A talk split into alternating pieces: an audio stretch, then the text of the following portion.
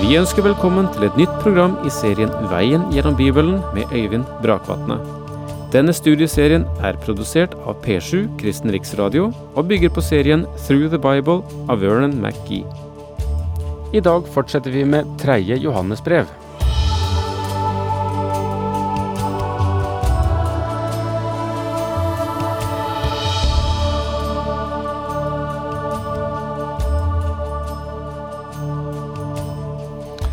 Ja, vi skal begynne på Johannes tredje brev i dag. Bare 15 vers. Men eh, rynk ikke på nesen av det. Det spørs hva som sies i disse 15 versene. Det er det som er det helt eh, avgjørende. Mange av oss eh, kan vel skrive side opp og side ned uten å få sagt så altfor mye. Men eh, Johannes, når han skriver 15 vers, så um, er det en fortettet sammenstilling av eh, tre profiler vi får der. Det kommer vi tilbake til. Det første brevet er eh, Der er Johannes opptatt av kjærligheten. Men dette er ikke en dvask kjærlighet, ikke en utflytende kjærlighet, men det er en kjærlighet med profil. I sitt andre brev understreker han meget sterkt det som han også har sagt i første brev, men særlig i andre brev understrekes det, hva sannheten betyr i forholdet til kjærligheten. Og nå når vi kommer til tredje brev, får vi se disse prinsipper om kjærlighet og sannhet demonstrert gjennom tre menneskeskjebner. Et meget interessant brev, og et brev som er vel verdt å fundere over. Nå vel, altså Johannes tredje brev. La oss understreke forfatteren igjen. Forfatteren til denne lille epistelen er apostelen Johannes. Ved siden av å skrive eh, sine tre brev, så skriver han jo også et eh, evangelium. Det er den mannen som ettertiden har gitt tilnavnet Kjærlighetens apostel, men som Jesus ga tilnavnet en tordensønn. Og begge betegnelser kan være riktige, avhengig av fra hvilken synsvinkel du betrakter denne mektige Herrens tjener. En del bibelforskeres mening er at Johannes skrev sine epistler etter at han skrev åpenbaringsboken. Og for min egen del må jeg vel si at um, jeg heller til den oppfatningen selv. Det betyr at disse epistlene ble skrevet mot slutten av det første hundreåret, et sted mellom år 90 og 100, etter Kristus. Men det er svært vanskelig å datere eh, brevet noe mer nøyaktig enn det. Det er mye som taler for at Johannes skrev disse tre brevene tett etter hverandre. Og all den stund vi ikke har eksakt tid for avsending av epistlene, kan vi ikke gå nærmere inn på datering enn et desennium, vil si et, et tiår. I sitt første brev understreker Johannes at Guds familie holdes sammen gjennom kjærlighet, og at barna i denne familien skal elske hverandre. Og han gjør det helt klart at om de ikke elsker hverandre, så er de ikke Guds barn. Barna har kjærlighet til dem som er i familien, og det er et normalt forhold selv i våre vanlige familieomstendigheter her på jorden. I sin andre epistel kommer derimot Johannes med en veldig advarsel at det er forførere, det er mange antikrister, og det er mange som sporer av fra Herrens vei i verden. Han sier at et Guds barn ikke skal vise dem kjærlighet. De skal ikke være opptatt med deres velferd eller gi signaler om at deres kjetterier er ubetydelige, gjennom at vi ønsker dem velkommen i våre hjem.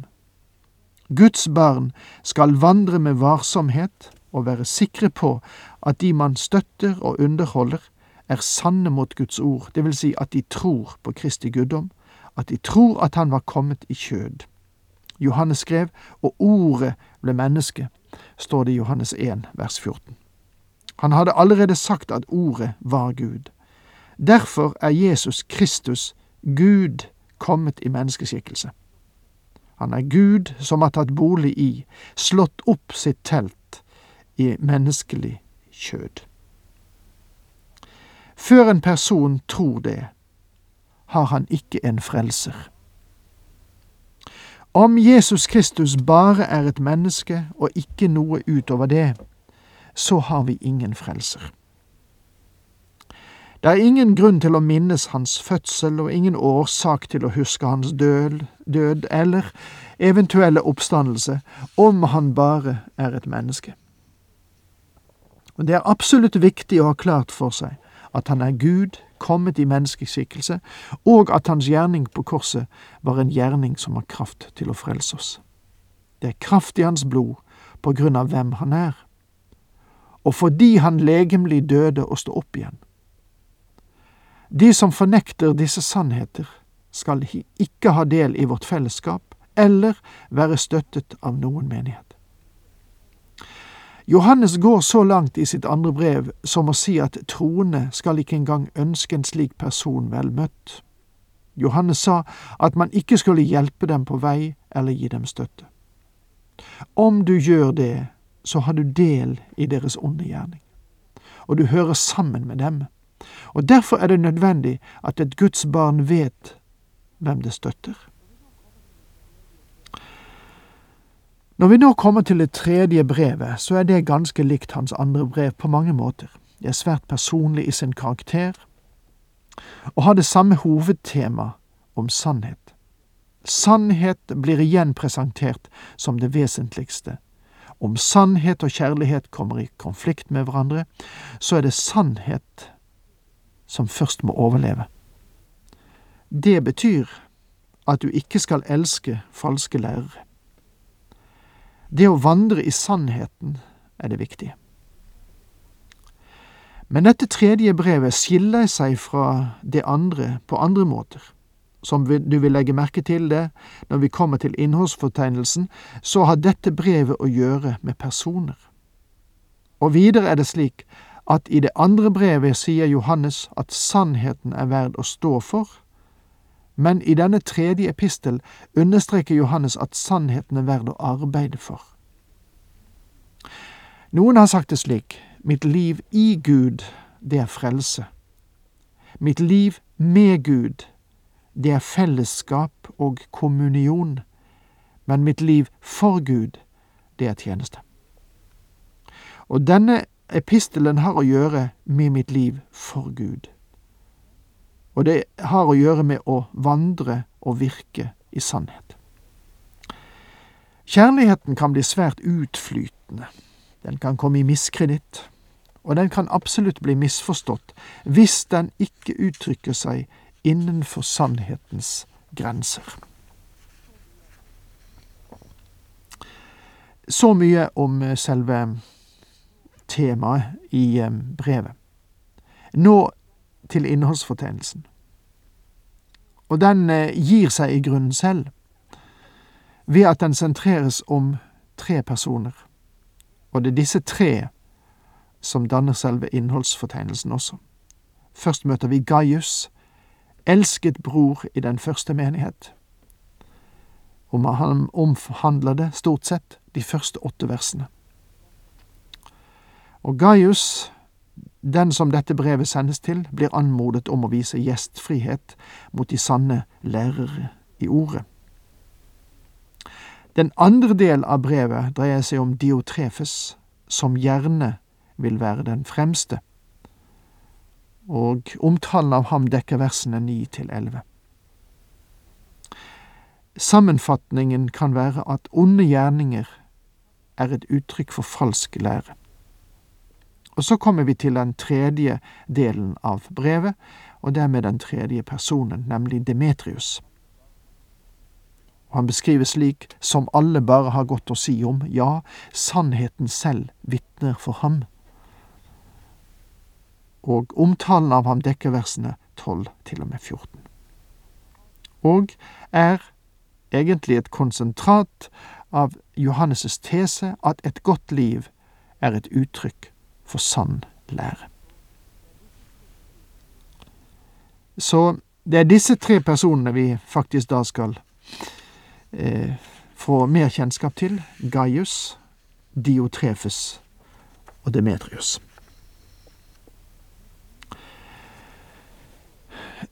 De gule sidene er en del av alle telefonkataloger. I de større byene kommer de som eget bilag. De gule sidene inneholder en masse tjenester av forskjellig karakter. Du kan finne tusen og én ting. Er det noe du trenger, så kan du slå opp under registeret på de gule sidene, og mest sannsynlig så finner du det der. Om vi kunne ha fått tak i de gule sidene i det romerske imperium i det første århundret, ville vi antagelig funnet Gaius, Diotrefes og Demetrius satt opp der. De var aktive, hver på sin måte. Men sikkert er det at vi finner dem i Guds ord. Og de gir oss svaret på et meget interessant spørsmål. Hvordan fungerte de troende i det første århundret? Hvordan klarte de å holde ut ved slutten av det første hundre år? Ble de alle martyrer? Ble de alle modeller for et hellig liv? Var de eh, alle verdige etterfølgere av Kristus? Var de gode eksempler på tro? Blant de millioner som vendte seg til Kristus i de første 300 år, hvordan så en gjennomsnittstroende ut? Vel, her i denne epistelen finner vi to som var fremstående gudsmenn, Gaius og Demetrius. Og disse menn sto virkelig for troen på Gud. Men her møter vi også en som sannelig ikke var fremstående. Diotrefes sto ikke i hele tatt. Han gjorde alt annet enn å stå oppreist for sannheten. Og la oss nå først eh, gå til Gaius ved åpningen av dette tredje brevet. Hør hva det står. Den eldste hilser den kjære Gaius, som jeg elsker oppriktig. Merk deg ordene den eldste. Som han gjorde det i sin andre epistel, bruker Johannes også her termen eldste. Og med den lille opplysningen må vi dessverre avslutte for nå. Tiden er ute. Takk for nå. Herren med deg.